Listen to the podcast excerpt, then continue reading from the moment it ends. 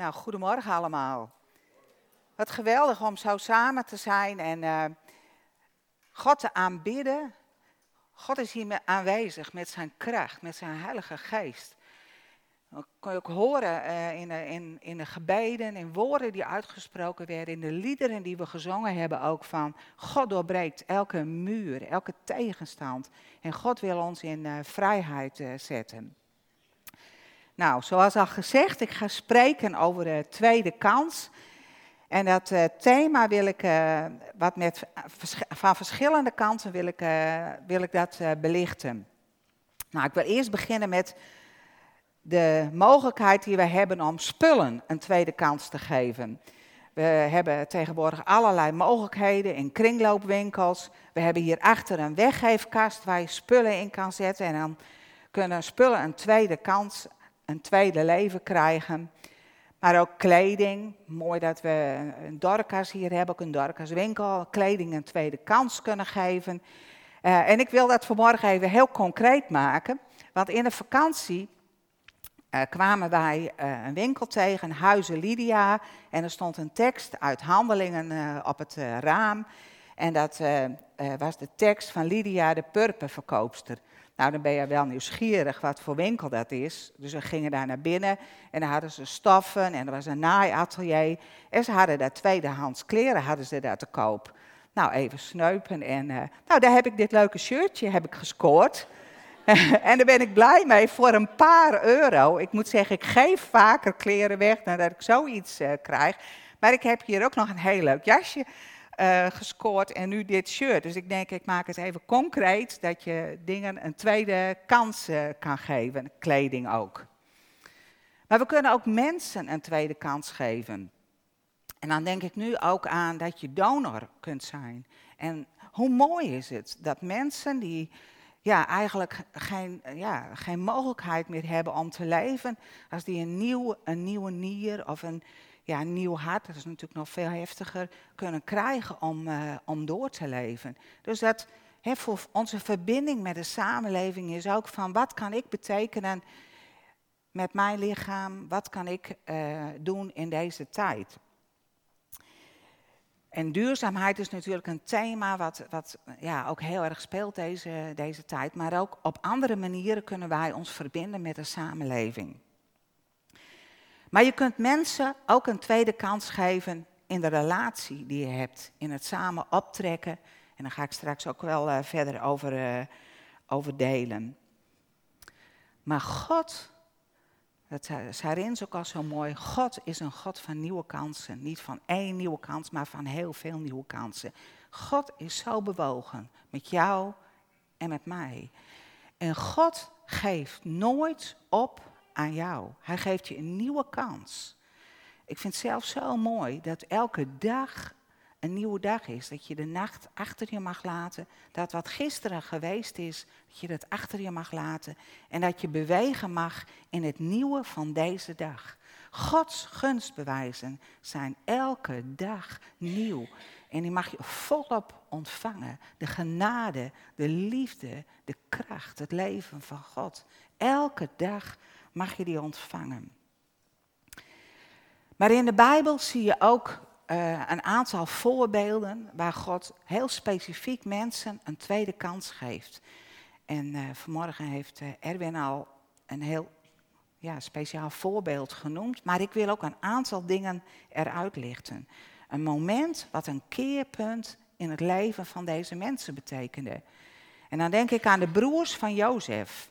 De broers van Jozef, die hebben uh, Jozef in de put gegooid, die hebben hem verkocht. Nou, wat ze ermee gedaan hebben naar hun vader toe, heel gemeen. En na ruim twintig jaar ontmoeten ze Jozef weer. En ze hebben nog niet in de gaten dat het uh, hun broer is, maar als ze dat horen, dan zijn ze heel erg bang. Want ze denken, nou gaat Jozef raak nemen. Hij zit ook op een positie waar hij dat kan doen. Maar Jozef die zegt, God heeft een plan hiermee. En hij heeft het ten goede gekeerd om het volk, volkeren zelfs te behoeden voor hongersnood. En hij vergeeft zijn broers. Wat moet dat wat geweest zijn? Vlak voordat Jacob sterft zijn die broers toch nog weer bang. Want ze denken, Wat als Jozef nu toch nog wraak neemt? Hij vergeeft hun en hij zet hen vrij. Ander voorbeeld is Mozes. Een bijzondere leven heeft Mozes. Hij is apart gezet, opgegroeid aan het hof, heeft een, een koninklijke opvoeding gehad, allerlei mogelijkheden. En dan is hij een man geworden, krachtige man. En dan gaat hij in eigen kracht gaat hij een aantal dingen doen. En hij slaat een paar mannen dood. En dat kan natuurlijk niet. En dan vlucht hij, is hij weg. En dan denkt hij, laat mij hier maar mooi in die woestijn met die schapen. Ik heb het hier wel goed. En dan opeens is daar een tweede kans voor Mozes. Op een bijzondere manier wordt hij geroepen door God. Allerlei tegenwerpingen heeft hij, maar hij gaat toch op in. God raakt hem op de een of andere manier zo krachtig dat hij het niet kan weerstaan.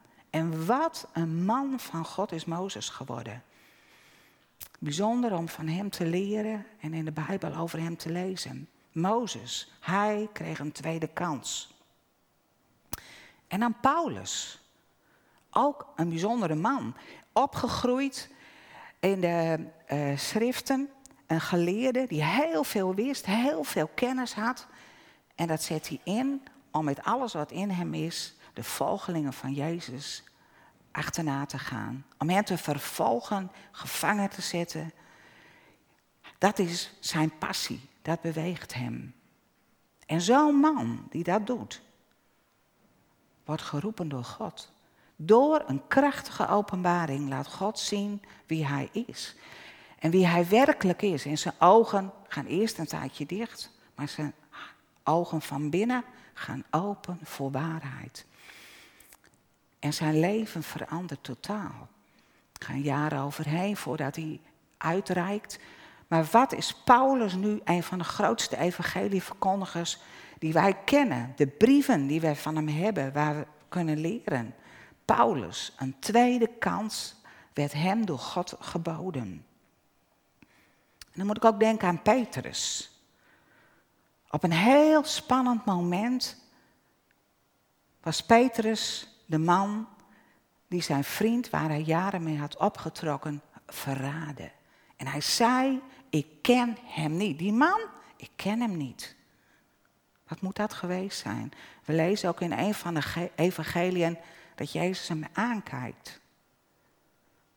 Nou, Petrus wilde wel door de grond zakken, denk ik.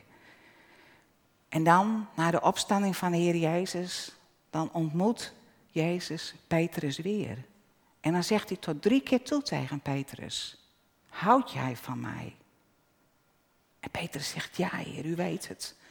En Jezus geeft hem een opdracht: Wijd mijn lammeren. Hij krijgt een kans, een tweede kans. En als de Heilige Geest wordt uitgestort, wat een kracht komt er in Petrus. Petrus die opstaat en die getuigt, die niet bang is om uit te komen voor zijn geloof. En heel bijzonder hoe hij een rots voor de gemeente is. En dan wil ik even terug naar het Oude Testament en naar het volk Israël. Het volk Israël is zo speciaal. Een volk wat gevormd is door God. God heeft het volk gevormd om met hen op te trekken. Om, zodat zij tot zegen zouden kunnen zijn voor de hele wereld. En uit het volk Israël zou de Messias voortkomen. Een volk ja, waar de verbondenheid met God heel groot is. Het is Gods oogappel. En toch, dat volk gaat keer op keer zijn eigen gang. Luisteren niet naar de leiding van God, zijn eigen wijs. En gaan dwalen af van het plan van God. En keer op keer vergeeft God hen en komt er weer een ommekeer en kunnen ze doorgaan. Maar op een gegeven moment is de maat vol. Dan zijn ze de, de, wat er gebeurt en alles wat daar in het land plaatsvindt, dat kan God niet langer aanzien. En het leidt er uiteindelijk toe dat ze uit Canaan geleid worden. Dat ze in ballingschap gaan, eerst het noorden, later het zuiden. En, en ik wil het nu hebben over het zuidelijke gedeelte, over Juda, die in ballingschap wordt genomen en naar Babel toe gaat. Maar ook dan, ook al worden ze weggevoerd, dan nog geeft God hen een tweede kans. Want hij belooft dat ze terug zullen keren. Dat ze na 70 jaar weer terug zullen keren uit de ballingschap. En daar wil ik over, uh, over lezen. Dat is wat de profeet Jeremia uh, al uh, uitgesproken heeft. En Jeremia die zegt, dit zegt de Heer, als er in Babel 70 jaar voorbij zijn, zal ik naar jullie omzien. Dan zal ik mijn belofte gestand doen door jullie naar Jeruzalem te laten terugkeren. Mijn plan met jullie staat vast, spreekt de Heer. Ik heb jullie geluk voor ogen en niet jullie ongeluk. Ik zal je een hoopvolle toekomst geven. Jullie zullen mij aanroepen en weer tot mij gaan bidden. Ik zal, en ik zal naar jullie luisteren. Jullie zullen mij zoeken en ook vinden, als jullie mij tenminste met hart en ziel zoeken. Ik zal me door jullie laten vinden, spreekt de Heer. En ik zal in je lot een keer brengen. Ik zal jullie samenbrengen uit alle volken en plaatsen waarin ik je verdreven heb, spreekt de Heer. En je laten terugkeren naar Jeruzalem, waaruit ik je heb laten wegvoeren. Nou, een deel van de tekst is voor ons heel bekend en, en wordt door ons veel gebruikt. Maar hier spreekt Jeremia over het volk Israël. En hij zegt, als je mij zoekt, dan zul je me vinden. Of als je God zoekt, dan zul je Hem vinden. Hij laat zich vinden. En Hij brengt een verandering in het leven van de Joden, van de Judeërs die daarheen gevoerd zijn. Hij keert hen om en verandert hun leven en ze mogen weer terug naar het eh, land waar, wat God voor hen bestemd had. Deze tekst geldt ook voor ons. Als jij God zoekt met je hele hart, als je hart erop gericht is om God te kennen, om van Hem te horen, dan zal God ook een verandering in jouw leven brengen. Dan zal Hij die weg ook voor jou openen, voor een toekomst die Hij voor je heeft. Een nieuw beginpunt gaf God aan het volk. Een nieuw beginpunt wil God ook aan jou geven. En dan gaat het volk gaat terug naar eh, Jeruzalem. En dan gebruikt hij, en dat zien we meer, een heidense koning om het volk terug te leiden naar Jeruzalem. En daar wil ik ook van lezen, en dat staat in Ezra 1 uh, eh, en dan vers 2 en 3. Dit zegt Cyrus, de koning van Perzië. Alle koninkrijken van de aarde heeft de Heer, de God van de hemel, mij gegeven. Hij heeft mij opgedragen om voor hem een tempel te bouwen in Jeruzalem, dat in Juda ligt. Laten al diegenen onder u die tot zijn volk behoren, zich met de hulp van hun God naar Jeruzalem in Juda begeven, om er de tempel van de Heer weer op te bouwen. De God van Israël, de God die in Jeruzalem woont. Zo gebruikt God die koning om zijn volk terug te leiden. En uh, niet iedereen wil dat. Mensen die wonen daar 70 jaar, moet je je voorstellen. Nou, uh, ik ben bijna 70, maar uh, ik, je hebt nog nooit meegemaakt dat je daar in, uh, in Canaan gewoond hebt. Je hebt het allemaal naar je zin in Babel. Je hebt je leven daar wat gevonden. En er zijn heel veel die niet terug willen. Maar gelukkig zijn er ook een groep onder leiding van Esra en later Nehemia die teruggaan naar Jeruzalem, die het, de tempel herbouwen, die weer opnieuw uh, uh, Jeruzalem herbouwen. En, en er gaan weer dingen van, mensen gaan later, meer mensen gaan weer terug en er gaan weer bijzondere dingen gebeuren in dat land. Een nieuwe kans die God hen geeft. En dan wil ik inzoomen op weer een koning, een heidense koning, op Nebukadnezar. Want ook hij krijgt een tweede kans. Nebukad, Nebukadnezar was de koning die God gebruikte om de Joden naar Babel te leiden, om hen in ballingschap te leiden. En, en die Nebukadnezar die heeft bijzondere dingen meegemaakt van de Joden waar hij mee optrekt. Eerst al bijzonder, die mannen die niet al die heerlijke maaltijden en wijn en zo van de, de tafel van de koning willen nuttigen, maar die gezond willen eten. Groenten en, en, en, en water, die, die sober willen leven. En bijzonder, zij zien er nog mooier uit en ze zijn krachtiger dan iedereen die de goede maaltijden van een koning nuttigt.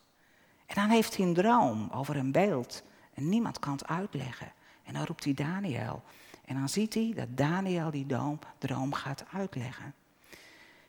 En dan de gebeurtenis met Sadrach, Mesach en Abednego, die niet willen knielen voor Nebukadnezar. En die in die gloeiende vuuroven worden gegooid. En wat een wonder. Ze zijn ongedeerd. Ze verbranden niet. Wat een wonder. De mensen die hen er later uithalen, die vallen al bij die oven dood neer. En de mannen van God, die zijn ongedeerd. En dat heeft Nebukadnezar allemaal gezien. En hij spreekt ook grote woorden over God. In Daniel 3, vers 31, daar zegt Nebukadnezar... Koning Nebukadnezar, aan alle volken en naties, welke taal zij ook spreken en waar, het, waar ter wereld zij ook wonen, mogen uw voorspoed groot zijn. Het heeft mij behaagd de tekenen die de Allerhoogste God mij heeft gegeven en de wonderen die Hij heeft gedaan bekend te maken. Hoe groot zijn Zijn tekenen, hoe machtig zijn wonderen. Zijn koningschap is een eeuwig koningschap en Zijn heerschappij duurt van generatie tot generatie voort. Dat proclameert Nebukadnezar. Maar dan heeft hij weer een droom. En die droom gaat over een grote boom die, die steeds krachtiger en sterker wordt en opgroeit. Hij heeft mooie bladeren, heel veel vrucht en is een voeding voor velen. De dieren die, die vinden een schaduw in het plekje van de boom en de vogels die maken hun nesten in de boom. Maar dan komt er een engel met de boodschap en die zegt, vel de boom, Kap de takken eraf, verdeel de vruchten, stroop de bladeren. En dan vluchten alle dieren weg. De vogels vliegen omhoog. Maar de stronk van de boom moet blijven staan in het gras. Aan een ketting van ijzer en brons. En dan gaat het beeld over naar de mens. En dan staat er in, dat, uh, in die droom dat de mens een dierenhart zal krijgen. Hij zal gras eten met de dieren. En zo zullen zeven jaar voorbij gaan. Maar de wijzen kunnen ook deze droom niet uitleggen. En weer wordt Daniel geroepen. En Daniel die legt uit dat de boom koning Nebukadnezar is. Hij is machtig en groot. En zijn heerschappij omvat heel veel landen. Hij is machtig in de tijd waarin hij leeft. Maar God velt een vonnis over hem. Hij zal worden als de dieren, gras eten en vochtig worden van de dauw. En zeven jaar zullen voorbij gaan, totdat Nebukadnezar erkent dat de Allerhoogste God een macht heeft die boven de koning uitgaat. En dat wil ik, eh, daar wil ik het vervolg, dat wil ik ook gaan lezen uit de Bijbel. Dat staat in Daniel 4, vanaf vers 25. En dit alles is koning Nebukadnezar ook overkomen.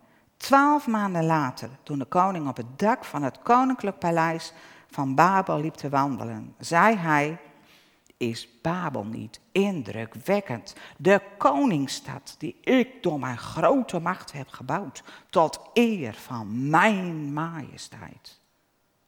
En de koning had deze woorden nog niet uitgesproken, of er klonk een stem uit de hemel. Dit wordt u aangekondigd, koning Nebukadnezar. Het koningschap is u ontnomen. U wordt verstoten door de mensen. U zult leven onder de dieren van het veld en u zult gras eten als de runderen. En zo zullen zeven jaren voorbij gaan, totdat u herkent dat de Allerhoogste God boven het koningschap van de mensen staat en dat Hij bepaalt aan wie Hij het verleent. En op hetzelfde ogenblik werd het vonnis over Nebukadnezar voltrokken. Hij werd door de mensen verstoten. Hij at gras als de runderen. Zijn lichaam werd vochtig van de dauw van de hemel. En tenslotte was zijn haar even lang als de veren van een arend en waren zijn nagels uitgegroeid als de klauwen van een vogel. Maar toen de zeven jaren verstreken waren, sloeg ik, Nebukadnezar, mijn ogen op naar de hemel en keerde mijn verstand in mij terug. Ik prees de Allerhoogste God. Ik roemde en verheerlijkte de eeuwige levende. Zijn heerschappij is een eeuwige heerschappij. En zijn koningschap duurt van generatie tot generatie voort. De mensen op aarde zijn nietige wezens. Hij doet met de hemelse machten en met de mensen op aarde wat hij wil. Er is niemand die hem kan tegenhouden of tegen hem kan zeggen, wat hebt u gedaan? Op hetzelfde moment dat ik mijn verstand terugkreeg, herwon ik tot eer van mijn koningschap ook mijn majesteit en luister. Mijn raadsheer en machthebbers zochten mij weer op. Mijn koningschap werd in ere hersteld en mijn macht nam zelfs nog toe. Ik, Nebukadnezar, roem, verhef en verheerlijk nu de koning van de hemel. Al zijn daden zijn juist en zijn paden recht. Wie de weg van de hoogmoed bewandelen, kan hij vernederen. Wat een God. Wat een God kennen wij. Hij die alles in zijn hand heeft. Ook al snappen wij alles niet, ook niet wat gaande is. God heeft de regie. Die spreekt. Als je dit leest, en ook, ook wat, e-, wat eerder al gelezen werd door Jeremia. God openbaart zijn plannen voordat ze gebeurd zijn. Wat is het bijzonder om te zien dat zoveel profetieën van God zijn vervuld. Sommige zijn deels vervuld. Anderen wachten we nog op de vervulling. Maar wat een God hebben wij. In Hem alleen is alle heerschappij en macht. En iedere machthebber zal op een bepaald moment moeten buigen voor die eeuwige God. Er is niemand zoals Hij die de heerschappij heeft in hemel en op aarde. Bijzonder hoe God Nebukadnezar weer in eer herstelt. Ik vond het ook zo bijzonder dat die machthebbers uh, en die raadsheren, dat die hem weer zoeken. Moet je moet je voorstellen, iemand die zeven jaar zo geleefd heeft. Nou, je denkt toch, daar is wel echt wel een steekje mee mis. Maar dat was ook zo. Maar toch vertrouwen ze hem opnieuw. Ze geven hem opnieuw een kans. En hij wordt hersteld als koning. Hij krijgt opnieuw een positie als koning. God, onze God, is een God die vergeeft. Een God die heel specifiek ook tweede kansen wil geven. En wij mogen van God leren. Wij mogen ook elkaar een tweede kans geven. Mensen waar je misschien mee samenwerkt en wat heel moeizaam is. Misschien in een relatie waarin het pittig is. Mensen die je pijn gedaan hebben. Waardoor je beschadigd bent. Ook jij mag van God leren om te vergeven en niet op te geven aan de ander. Om de ander een nieuwe kans te geven, een tweede kans. En bereid te zijn om achter je te laten wat geweest is. Om een nieuwe start te maken. Maar het geldt ook voor onszelf. Ook jij krijgt een tweede kans. Als je op een weg bent die niet goed is en je dingen doet die niet passen bij Gods plan. Tom sprak vanmorgen een serieus woord uit. God kent je. God weet precies wat er in je leven is. En als je op een weg gaat die niet ten leven leidt, die je afleidt van de weg van God, dan geeft God je een tweede kans. God zegt: keer je om naar mij. Kom terug. Beleid wat niet goed is en vergeef ontvang vergeving, word vrijgezet. En de Heilige Geest wil je leiden in de weg die je daarin gaat. Ik uh, hou heel erg veel van fietsen en ik heb een hele leuke fietsapp. En dan ga ik van knooppunt naar knooppunt en dan heb ik onderweg heb ik die fietsapp aan en die zegt me welk nummer ik moet volgen. Maar soms gaat het wel even mis onderweg. En dan zegt die fietsapp tegen mij, klapt de route nog? Klapt de route nog, ik vind dat vervelend, maar het helpt je wel. Want als je dan even bekijkt, nee, dan ben je inderdaad bij een kruispunt de verkeerde kant op gegaan en dan moet je teruggaan. Maar het is zo leuk. Als je dan weer op de route zegt, dan zegt hij, je bent er weer. Nou, zo wil de Heilige Geest je ook leiden. De Heilige Geest wil je duidelijk maken als je niet op de goede weg zit. Als je als je, je eigen weg gaat. En weet je, die fietsapp die is niet gek, maar als ik bijvoorbeeld gewoon doorfiets en ik bepaal mijn eigen route, en dan zegt hij je drie keer, geloof ik drie keer, en dan houdt hij zich stil. Dan denkt hij, nou ja, dan moeten ze het zelf maar weten. Maar dat is ook zo met de Heilige Geest. Als wij niet luisteren naar wat de Heilige Geest tegen ons zegt, het komt niet binnen, dan gaat hij dat ook niet steeds weer tegen jou zeggen. Ik wil niet zeggen dat hij stopt. Maar het is zo belangrijk om te luisteren naar wat de Heilige Geest je duidelijk maakt. Om gehoor te geven aan wat God tegen je spreekt. Het kan ook zijn dat je iets gedaan hebt, een, een hobby of, of in je werk, wat niet goed gegaan is. En dat je denkt, nou, ik geef op. Misschien wil God je een tweede kans geven. Of misschien heb je een droom en een verlangen en leeft er dat heel lang in jou om daarin te gaan bewegen. Heb je niet de mogelijkheid gezien? Vraag God dan om het opnieuw in je te laten leven. Dat het tot leven komt en dat je gaat bewegen in de droom die God je geeft. God wil je een tweede kans geven om, om misschien een hele ommekeer te maken in je leven. Om iets heel anders te gaan doen en het aan te durven. En het mooie is, kan pittig zijn, je kunt fouten maken, maar als je op je stoel blijft zitten, ja, maak je geen fouten, maar doe je ook niet iets goeds. Gaat er nooit iets verkeerd. En God zegt, als jij op weg gaat, dan ben ik daarbij. Ik beweeg met je mee en ik leid je ik pak je hand vast. Ik ga voor je uit. En ik ondersteun je met alles wat in mij is. Nou, ik had laatst een heel mooi uh, leermoment in een zwembad. Ik, uh, wij waren op uh, baantjes was ik aan het trekken in dat zwembad. En ik zag daar een vrouw. En, en God bepaalde me bij haar. En ik werd geraakt. En God zei tegen mij: Je moet tegen haar zeggen dat ik van haar hou. Nou, vond het een beetje raar, zo in het zwembad en zo. Maar goed, ik zwom die kant op en ik was daar bij haar in de buurt, maar ik deed het niet. Ik durfde het niet. Ik denk, nou, wat zou ze er wel niet van zeggen? Dus ik zwom, draaide mooi om en ik keerde weer terug. Maar onderweg, ik zei tegen God, als er een tweede kans komt, als ze er zometeen nog staat, dan, dan zeg ik het tegen haar. Nou, ik zwom weer terug. Ze was er nog wel, maar stond ze met wat vriendinnen zo wat eh, bij elkaar. Ik denk, mooi, daar ben ik vanaf. Dus uh, hoef ik niet te doen. Toen ging ik uh, in het golfslagbad en daar werd rond gesparteld. En toen ging ik, wou ik nog even in zo'n whirlpool zitten. Dan kan je zo lekker die bubbels om je heen. Kom ik daar bij die whirlpool, zit alleen die vrouw daarin. En God zei tegen mij, dit is jouw kans. En ik wist, ik kan u niet, het niet doen. Dus we raakten met elkaar in gesprek. En ik zei tegen haar, weet je, dat God van jou houdt. En dat God, God legt het echt in mijn hart, dat ik het tegen jou moet zeggen. Dat Hij van je houdt. En het raakte haar en ze, ontving het. En we hadden daarna een gewoon gesprek.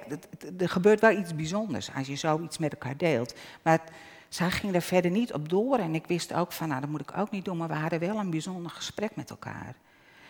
En wat het uitwerkt, ik weet het niet, maar God weet het wel. Hij had iets voor deze vrouw. En hij vond het zo belangrijk dat ik iets uit zou spreken naar haar toe. En hij gaf mij een tweede kans. En ik, het raakte mij ook heel erg. Ik was zo gezegend erdoor. Ik, ik was zelf zo dankbaar dat ik gehoorzaam was geweest. Ook al is het in een zwembad. En uh, voelt het wat ongemakkelijk.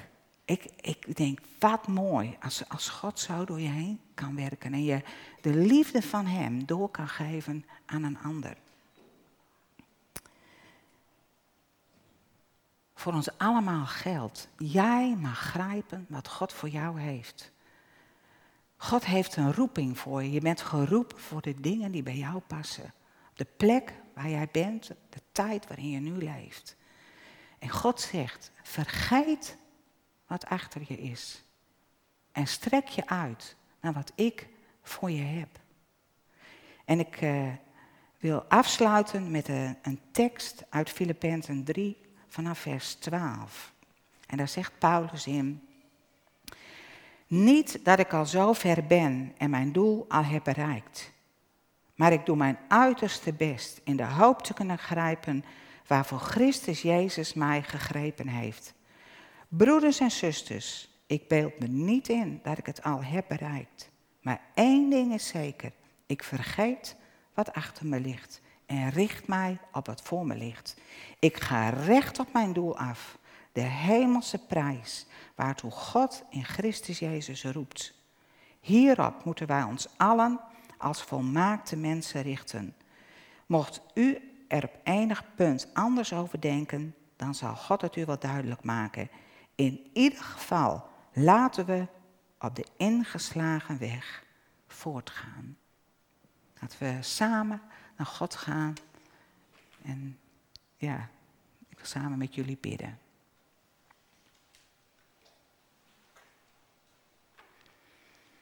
Dank u wel.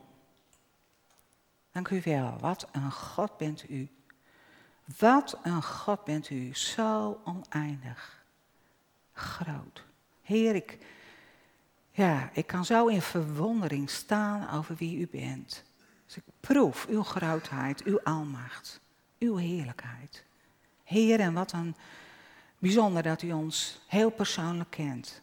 Heer, dat u ons leven kent, dat u ons gemaakt heeft, dat u ons ja, uniek gemaakt heeft, dat u onze haren geteld heeft en dat u ons een tweede kans wil geven op de plek waar wij zijn, als dat nodig is.